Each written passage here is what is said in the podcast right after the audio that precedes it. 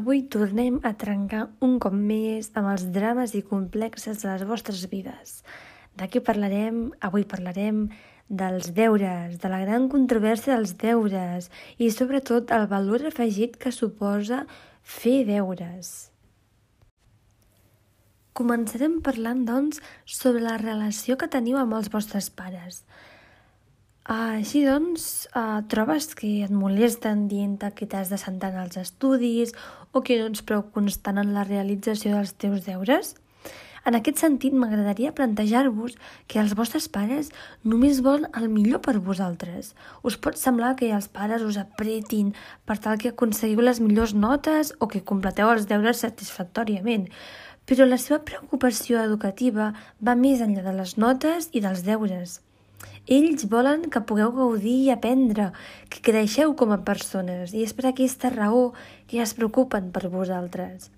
També cal dir, evidentment, que cal una confiança mútua, cal que les famílies confiïn plenament en vosaltres, per tal que vosaltres us sentiu motivats i tranquils i tranquil·les per realitzar les tasques amb el temps que vosaltres creieu convenient i necessari. Aquest punt ens porta a parlar sobre l'horari de treball. M'agradaria saber si teniu establert algun horari per realitzar les tasques de l'institut. Així que us convido a, us, a, pues, a que ho escriveu als comentaris. Nosaltres us recomanem tenir una franja de temps al dia reservada per dur a terme qualsevol feina relacionada amb l'institut.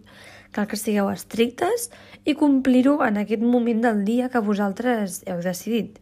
Aquest fet demostra un compromís i farà que es compleixi sempre aquest moment del dia.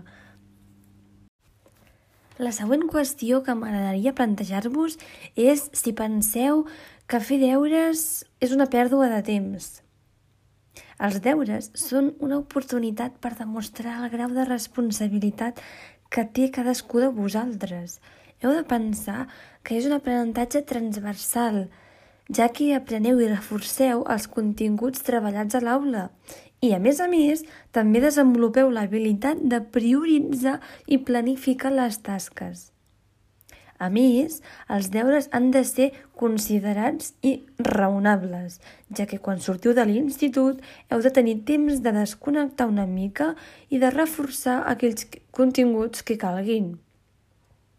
Els deures han d'anar associats a les necessitats i a les maneres d'aprendre de cada etapa evolutiva i a les competències educatives que han d'aconseguir a cada cicle escolar, no als continguts que heu de memoritzar.